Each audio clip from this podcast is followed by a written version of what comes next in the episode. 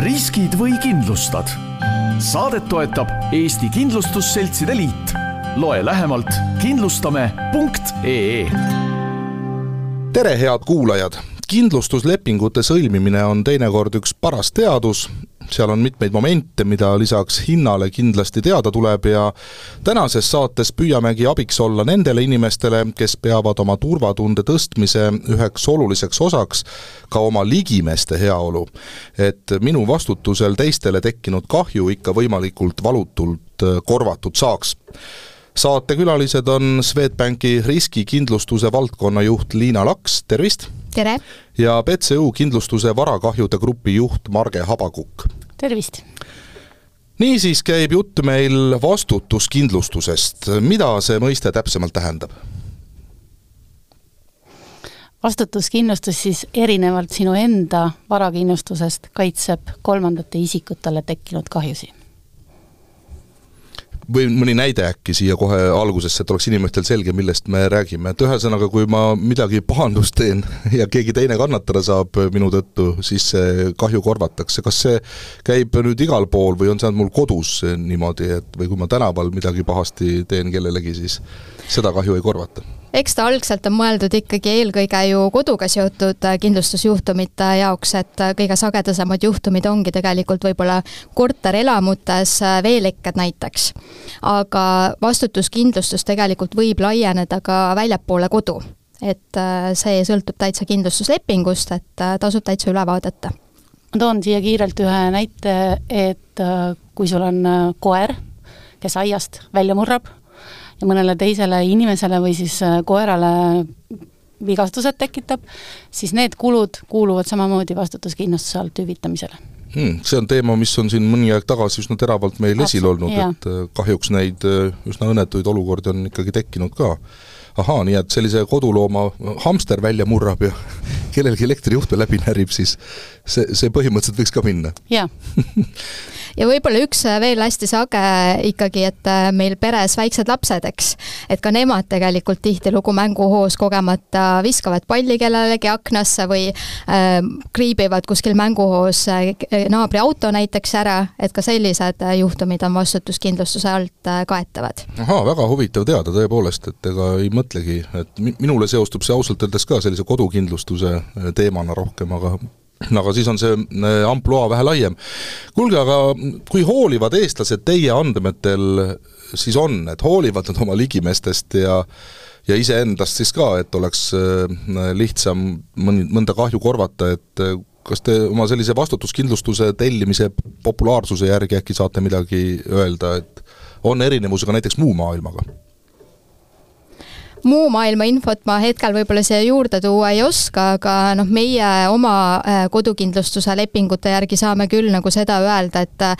suure hulk inimesi ikkagi selle vastutuskindlustuse küll lepingusse valib, aga paraku äh, on mure võib-olla selles, et see vastutuskindlustuse summa kipub jääma sinna liiga pisikeseks. et tavaliselt need kahjunõuded, mida siis erinevate õnnetusjuhtumite korral esitatakse, on ikkagi kordades suuremad. et see on hästi oluline, et tasub ikkagi üle vaadata kindlustuslepingus, et mis see summa on ja mitte siis valida seda kõige minimaalsemat summat, vaid ikkagi mõelda läbi, et mis see, need riskid minu jaoks on, et millised kahjud äh, võivad minu süü tõttu või minu pereliikmete süü tõttu juhtuda ja vastavalt sellele ikkagi mõelda, et, et mis see vastutuskindlustuse summa on. et noh, kui siin eestlased ka üldiselt tahavad naabrist paremad olla, siis äh, ma ütleks, et äh, kodukindlustuse ja vastutuskindlustuse puhul kipub see pigem jääma niimoodi, et, et vot seal me küll naabrist naabrist paremad ei ole, et, et vot sinna võiks rakendada sellist naabrist paremat äh, suhtumist. no antud kontekstis see naabrist parem on nagu eriti mm, sobilik väljend. ja siin on ka see oluline märkida, et sellega sa kaitsed ju enda kuidas ma ütlen siis, finantsseisu, et ähm, et see ei ole ainult see, et sa hoolid nagu ligimistest või naabritest või, või kellele sa kahju tekitad, aga, aga kui see summa näiteks ei ole ka piisav, siis see ületav osa jääb sul kõik enda kanda jah, et noh, tasubki tõesti läbi mõelda, et äh, kas see tagavararaha, mida ma võib-olla olen kogunud, et kas äh, on soov, et kui nüüd tõesti minu süü tõttu äh, toimub mingi õnnetusjuhtum, naabri korter saab kahju või isegi mitu alumise naabri korterit, näiteks veeõnnetuste puhul, mis on tavaline, et kas ma tahan maksta kinni naabri remondi oma raskelt kogutud säästude arvelt. et võib-olla ma tahan neid sääste hoopis kasutada tõesti mingil muul eesmärgil ja noh, võib-olla üks huvitav asi, mida ma veel nagu juurde tooks, äh, mida tihti ei mõelda, et noh, koduomanikud küll mõtlevad selle vastutuskindlustuse peale, kes on ise nii-öelda kinnisvaraomanikud, aga võib-olla oluline nüanss on siia juurde tuua ka seda, et äh, üüri, üürijad äh, tasub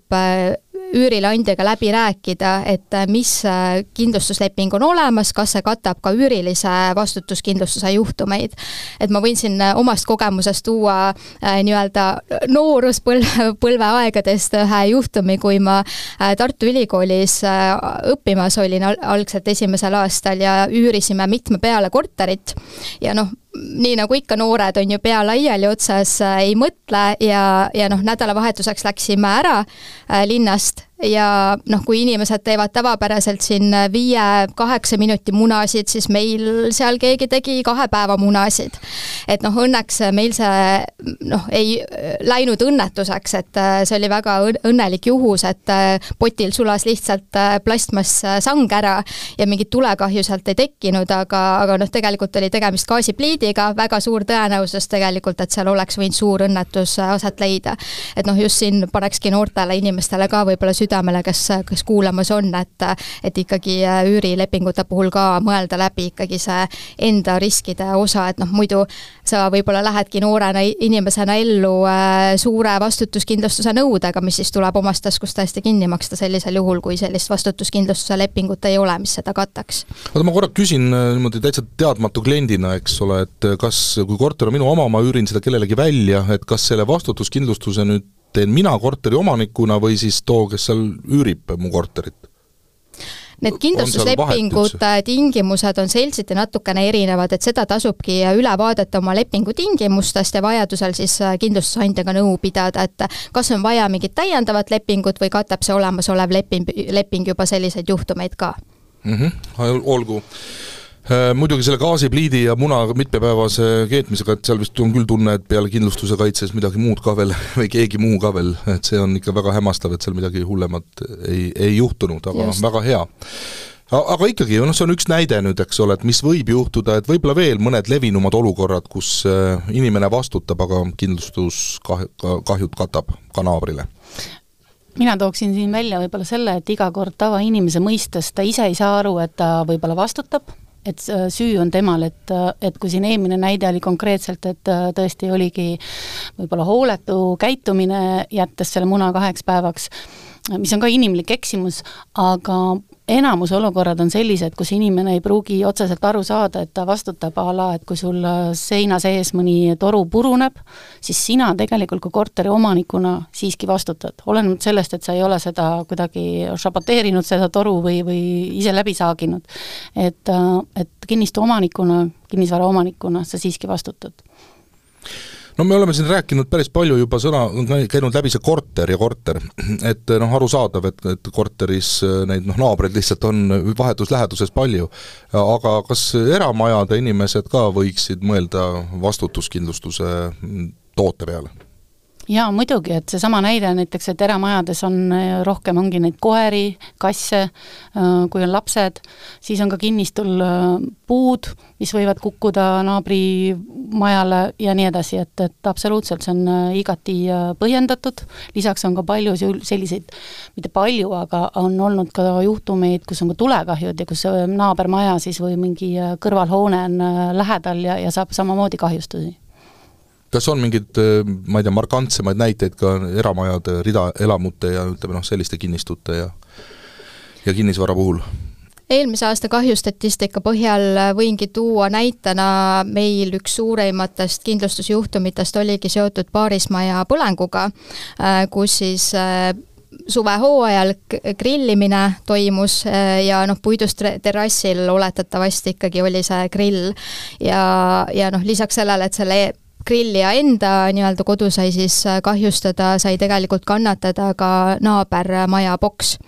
ja, ja noh, lisaks äh, tulele on ju tuleõnnetuste puhul ikkagi väga suur ähm, roll ka tahmal, suitsul ja kustutus, kustutusveel, mis äh, omakorda tegelikult tekitab veel täiendavat kahju.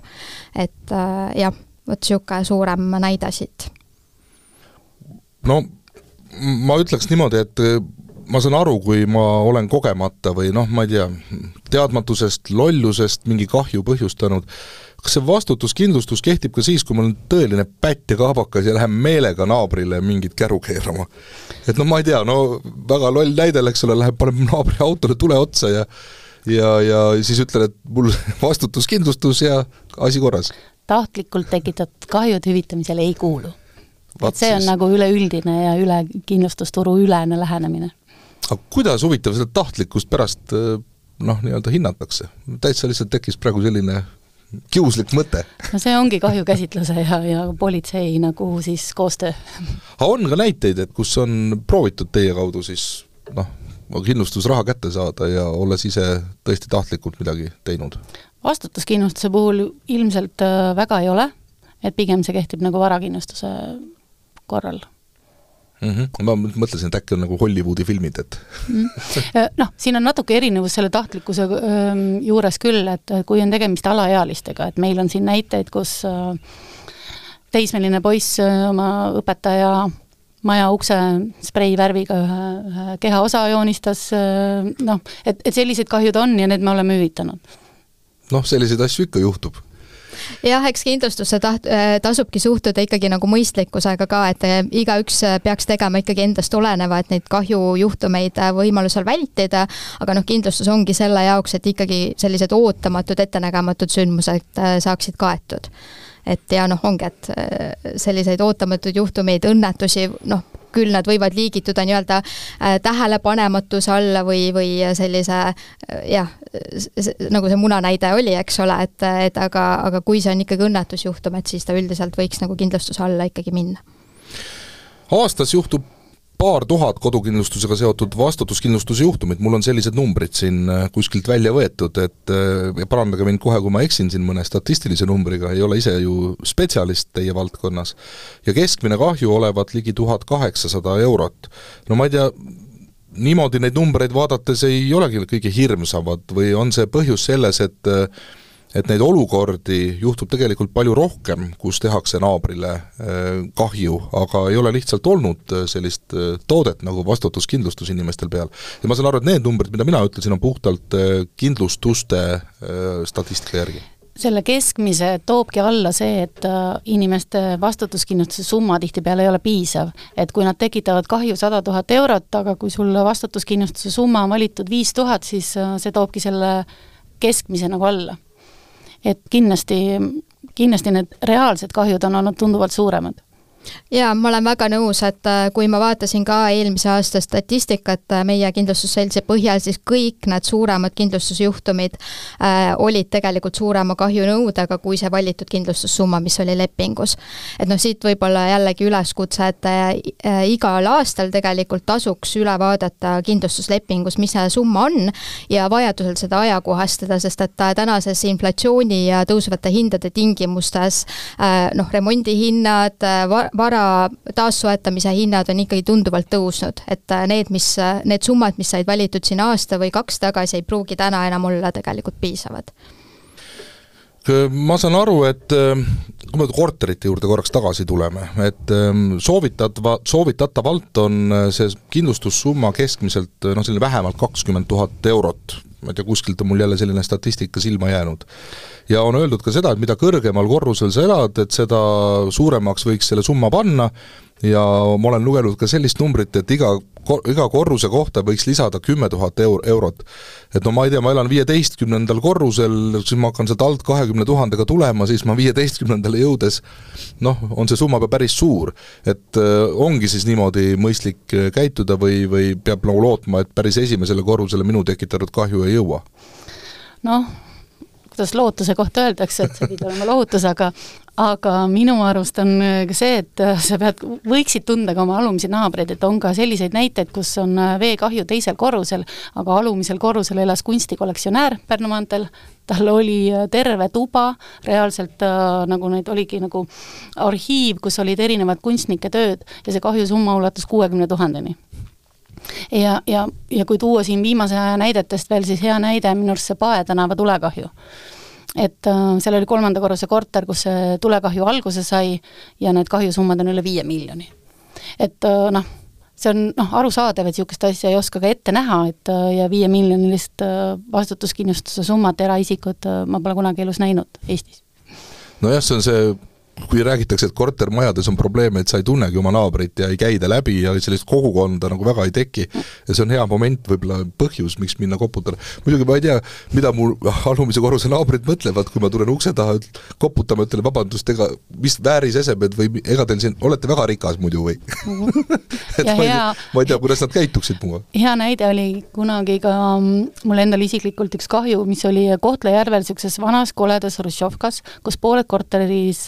olid tühjad, aga samas meie kliendi all oli niisugune pärl, et sinna korterisse sisse minnes, et niisugused äh, kunstnikerdustega kipsist äh, laed ja nii edasi, ja samamoodi see kahjusumma oli väga-väga suur. jaa, nii et siis tasub ikkagi minna korra naabrile külla jah, et äh, tegelikult ongi, et tõesti noh, võib ju proovida seda, et naabrile külla minna, aga nii nagu sa ütlesid ka, et, äh, et naaber ei pruugi uksest sisse lasta, mis tähendabki seda, et noh, me mitte kunagi tegelikult ei tea, et, et äh, kui kallid remondid meie naabritel tehtud on, millist vara seal korteris sees on ja nii edasi. et vastutus jah, tasub alati valida pigem suurem.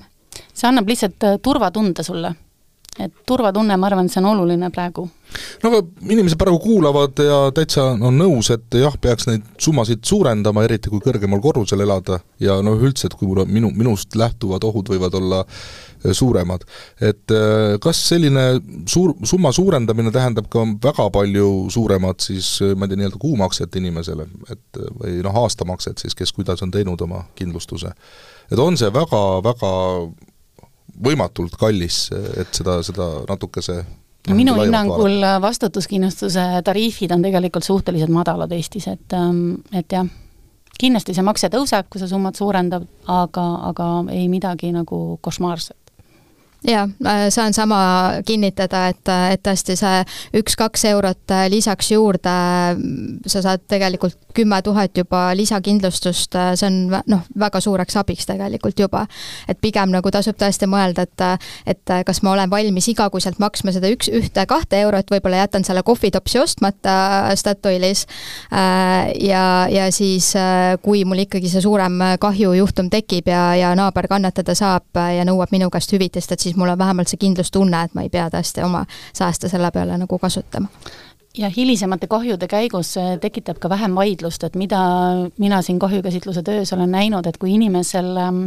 kes on kahju tekitanud, see summa ei ole piisav, siis nad hakkavad ka võitlema selle vastu, et äh, see naabrile tekkinud kahju noh, on ülehinnatud äh, ja nii edasi, et kui vas-, kui tavaliselt varakindlustuse puhul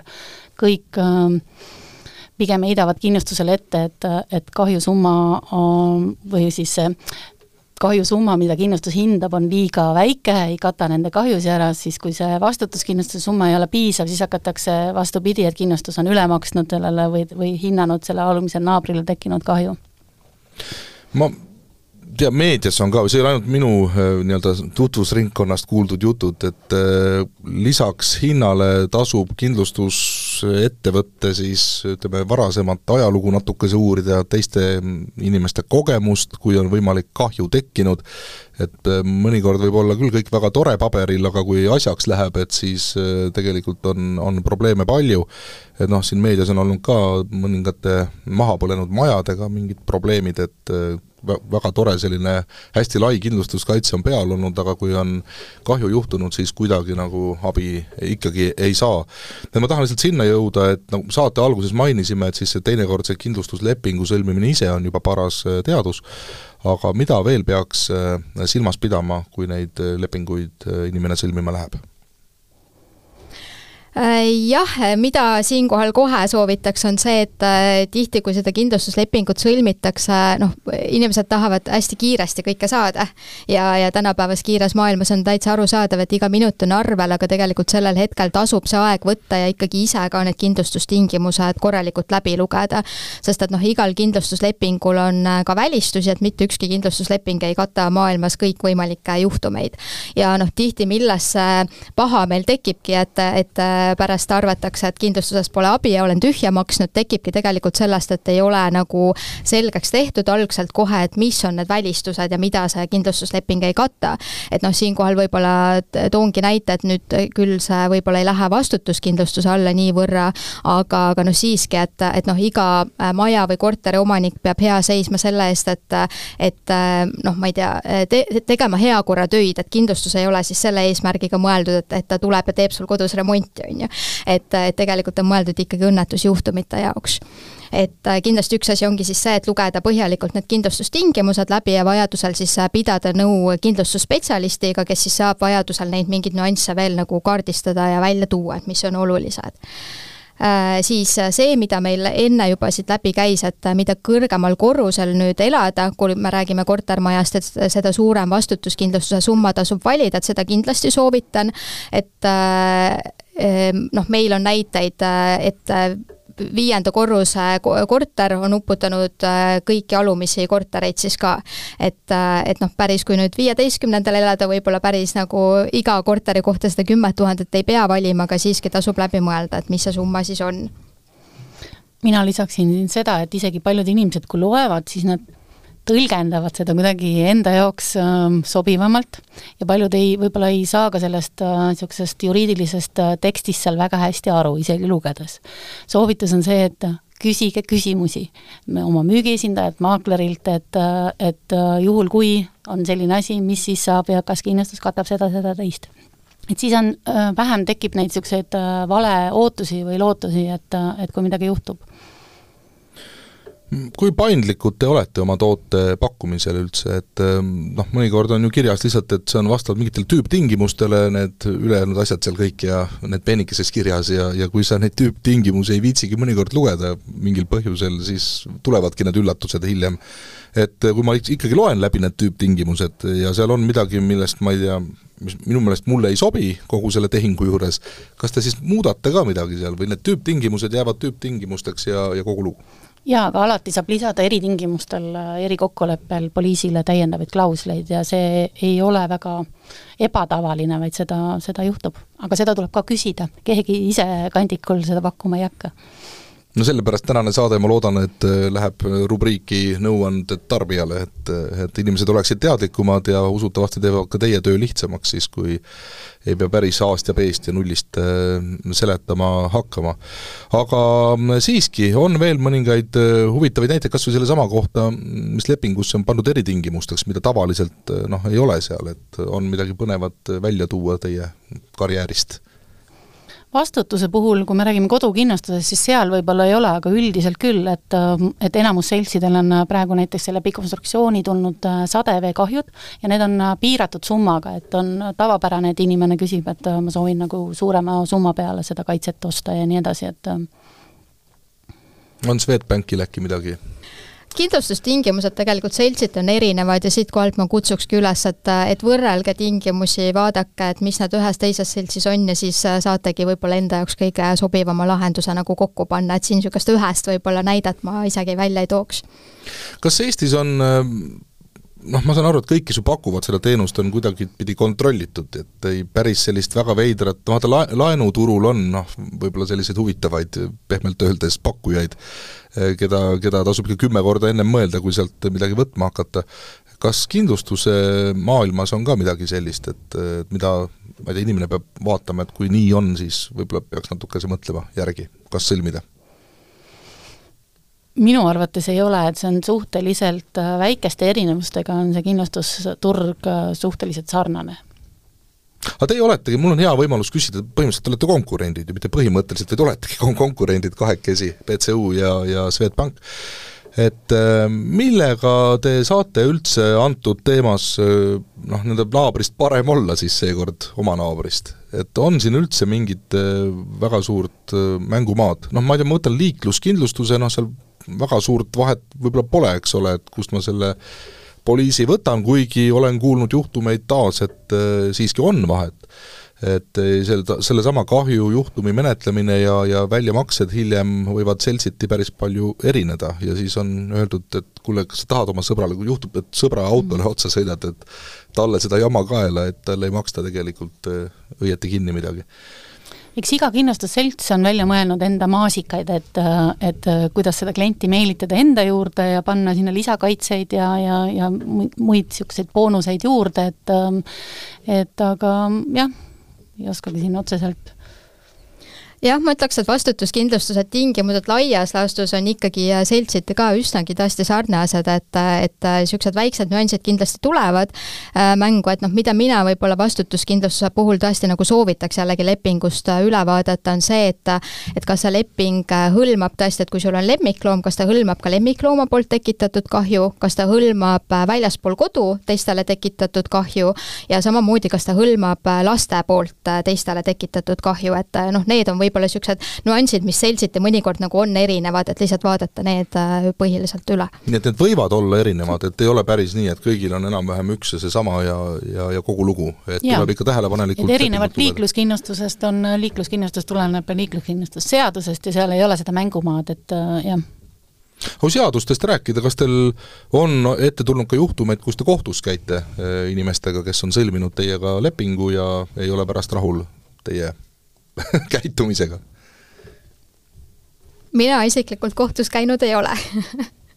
et äh, noh, eks aeg-ajalt neid niisuguseid äh, vaidluse kohti ikka tekib äh, ja, ja noh, see on täiesti loomulik, ma arvan, et see on iga lepingu puhul nagu see, et et võib-olla on mingid piiripealne sõnastus ja noh, siis on nagu niisugune, et, et kas ta nüüd on kindlustusjuhtum või ei ole. ja noh, mida mina soovitan, et kui näiteks ongi niisugune olukord, kus inimene saab negatiivse kahjuotsuse ja ta ei ole nõus sellega ja talle tundub, et ikkagi kindlustustingimuste järgi see peaks minema hüvitamisele, siis noh, esimene asi on ikkagi teha äh, sellele samale kindlustusseltsile äh, vastulause, kirjutadagi, et äh, mi-, miks ta arvab, et see tegelikult ikkagi peaks olema kindlustusjuhtum ja sellisel juhul kindlustusseltsid vaatavad ikkagi seda otsust uuesti üle ja teevad siis nii-öelda uue otsuse, et kas see siis on juhtum või mitte. ja noh, järgmine võimalus on tegelikult ju pöörduda ka kindlustusseltside liidu pool oleva lepitusorgani poole. ja, ja noh, see kohus on alles see kõige viimane instants nii-öelda, et seal on vahel tegelikult veel mitu võimalust, et et, et noh, kindlustuse eesmärk ikkagi on see, et kui me oleme kokku leppinud mingites tingimustes, siis me nende tingimuste järgi tahame ka hüvitada neid juhtumeid.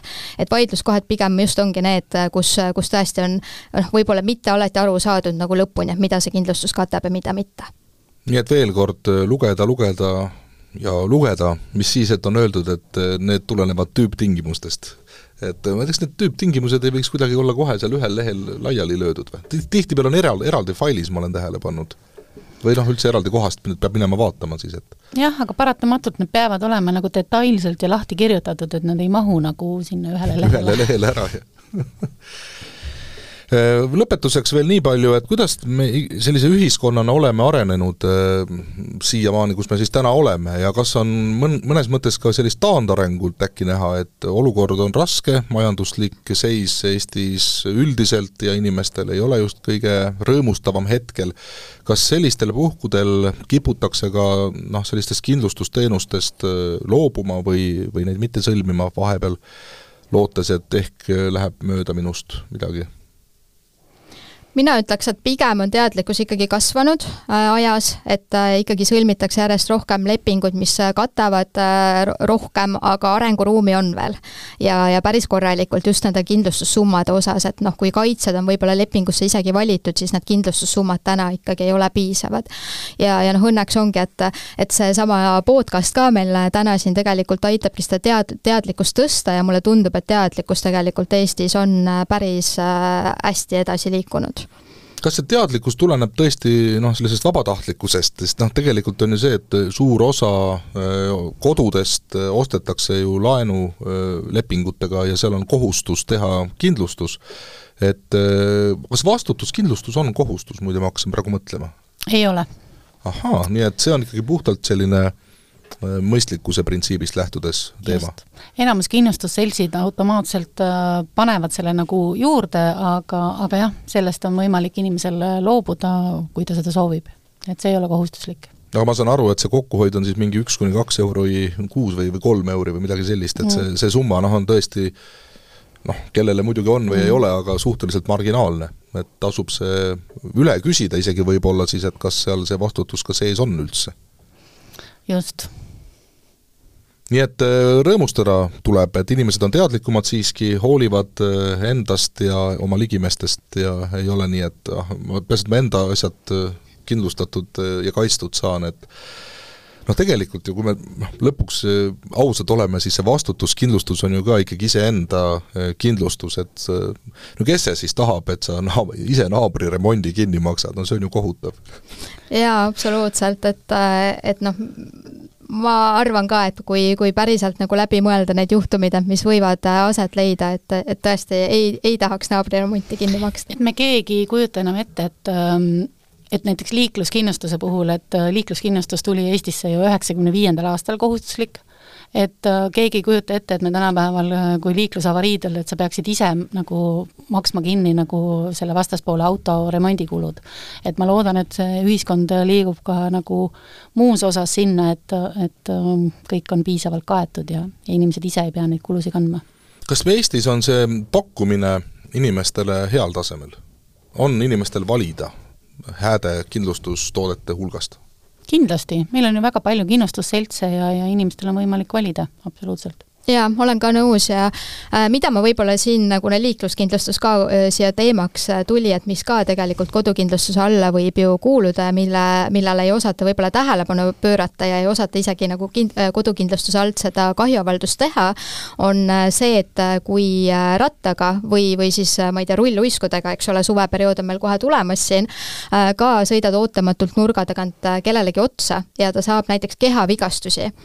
või siis saab tema mingisugune mõnegi ratas või, või ma ei tea, lapsekäru näiteks kannatada. et ka see tegelikult ju kodukindlustuse vastutuskindlustuse alt äh, vastavalt lepingu tingimustele võiks olla kaetud. oota, aga see toimib ainult kodu lähedal kuskil siis või ei, ei. teises linna otsas? üle Eesti ikka aa, oota, aga kas need tõuksi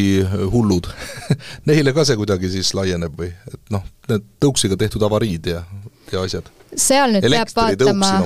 jaa, seal peab vaatama lepingu tingimusi, et üldjoontes muidugi mootorliikurid, äh, need on Aha. välistatud. ahah, et kui ma niisama nüüd kondijõul liikuva tõuksiga midagi korraldan, et siis see läheb, elektritõuks juba ei lähe väga huvitav ja. jällegi teada.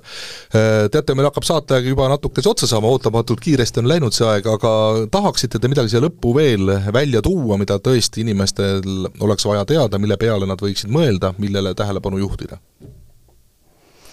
olema esiteks hoolsad, teiseks oma südamerahuks siis äh, sõlmima kindlustuslepinguid sellises mahus, et, äh, et see südamerahu oleks neil olemas ja, ja ma võib-olla siia päris lõpetuseks veel tooks ka, et me rääkisime siit äh, siin korteriomanikest, paarismajadest, aga äh, võib-olla jäi meil natuke katmata see osa, mis puudutab niisuguseid äh, üksikuid maamajasid. et noh, tihti seal inimesed mõtlevad, et mul vastutuskindlustust pole vaja, et läheduses naabreid pole ja võib-olla lapsi ka pole, kes kahju saaks tekitada. no nii ongi ju. Aga noh, maamajades tihti kipuvad meil need koduloomad ikka olema ju, koer näiteks aiast pääseb välja, jah, just. Ja näiteks jookseb ette samamoodi mootorratturile. Et olen kuulnud täitsa niisugusest juhtumist, kus koer pääseski aiast välja, inimene ei olnud valinud vastutuskindlustust. Ja no ongi, et see mootorrattur sai kehavigastusi, pluss siis see mootorratas ise sai kannatada. Ja, ja noh, oligi olukord käes, kus inimene pidi oma taskust kinni maksma selle kahju. Mul on üks markantne näide hobustega inimesel olid kaks hobust, kes pääsesid Koplist välja ja nad äh, jõudsid ühe naaberkinnistu juurde ja seal oli auto, talvine aeg, äh, sool oli ladestunud auto peale ja mis need hobused tegid, nad need rattakoopast ja, ja nad nosisid need äh, rattakoopad oma niisuguste kandiliste hammastega korralikult ära. plekikääridega. just. see on päris põnev muidugi, annab ikka tulla selle peale, et sellist ja. nojah, kui ma hobust muidugi pean kuskil maal, siis võib-olla tõesti, kui see ikka aiast välja saab ja seal perutama kukub mööda küla, siis -hmm. võib päris palju jama juhtuda ja seda saab kindlustada siis jah, et hobene on ki-, kindlustatud. ta on koduloomane, et see ei olnud mingi suur tall, et tal oligi reaalselt kaks hobust, et äh, jah et see on samasugune nagu lemmikloom, et nagu koer või kass või? kuulge, aga mul tuli veel, üks pisiasi nii-öelda meelde, me räägime praegu eraisikutest, eks ole ju, kas te ettevõtetele ka vastutuskindlustust äh, pakute või kuidagi saab seda teha ettevõte? jaa, BCU kindlustus kindlasti pakub äh, ja see ampluha on nagu väga lai, et seal on nagu kirurgidest, äh, hambaarstidest kui siis tootmisettevõteteni välja, kes on oma vastutuse ära kindlustanud no sellest saab eraldi saate teha, ma kujutan Jaa, ette, et kirurg, vastutuskindlustus, okei okay.. noh, peaasi, et selle kirurg ei mõtle, et ah, mul on kindlustus peal, et võib vähe lõdvemalt võtta. seda ei ole te tähele pannud, et kui on kindlustus peal inimestel, et võtabki lõdvemalt. ah, las see muna jääb sinna kaheks päevaks, et noh, ei hakka nüüd koju selle pärast tagasi ometi minema, mul on ju kindlustus peal. et mõnikord see võib tekitada sellist noh, veidrat suhtumist jaa, oleme näinud selliseid, kus on silmnähtavalt näha, et see toru roostetab, aga noh, võib-olla ei ole finantsilisi vahendeid ja midagi ette võtta, et on nagu aastaid näinud, et see tegelikult mõni toru vajab vahetust, aga inimene ei võta midagi ette. aga oma vastutus on vist ka vastutuskindlustuse puhul või? jaa, aga see kakssada eurot ei ole see, mis nagu vist motiveerib toru parandama paneb nojah ma väga loodan, et tänane saade andis inimestele eh, informatsiooni, mõtteainet, eh, ma arvan, et selline väga laias joones kokkuvõttes äh, tuleb ikkagi väga tähelepanelikult lugeda, mis lepingu sa oled sõlminud ja, ja mida see katab, mida ei kata ka, tuleks üle vaadata, ja ma saan aru, et kui on soov midagi lisada sinna siiski, mida tüüptingimustes ei ole, siis on ka see võimalik, et ei ole väga paendumatud äh, selles osas. jah, läbiräägitav aitäh teile, head kuulajad, seekordses saates sarjast Riskid või kindlustad rääkisime inimeste turvatunde tõstmisest läbi vastutuskindlustuse sõlmimise. saatejuht Tanel Talve vestluskaaslasteks olid Swedbanki riskikindlustuse valdkonnajuhi, valdkonnajuht Liina Laks ja BCU kindlustuse varakahjude grupi juht Marge Habakukk. olge hoitud ja kuulmiseni! riskid või kindlustad? saadet toetab Eesti Kindlustusseltside Liit loe lähemalt kindlustame.ee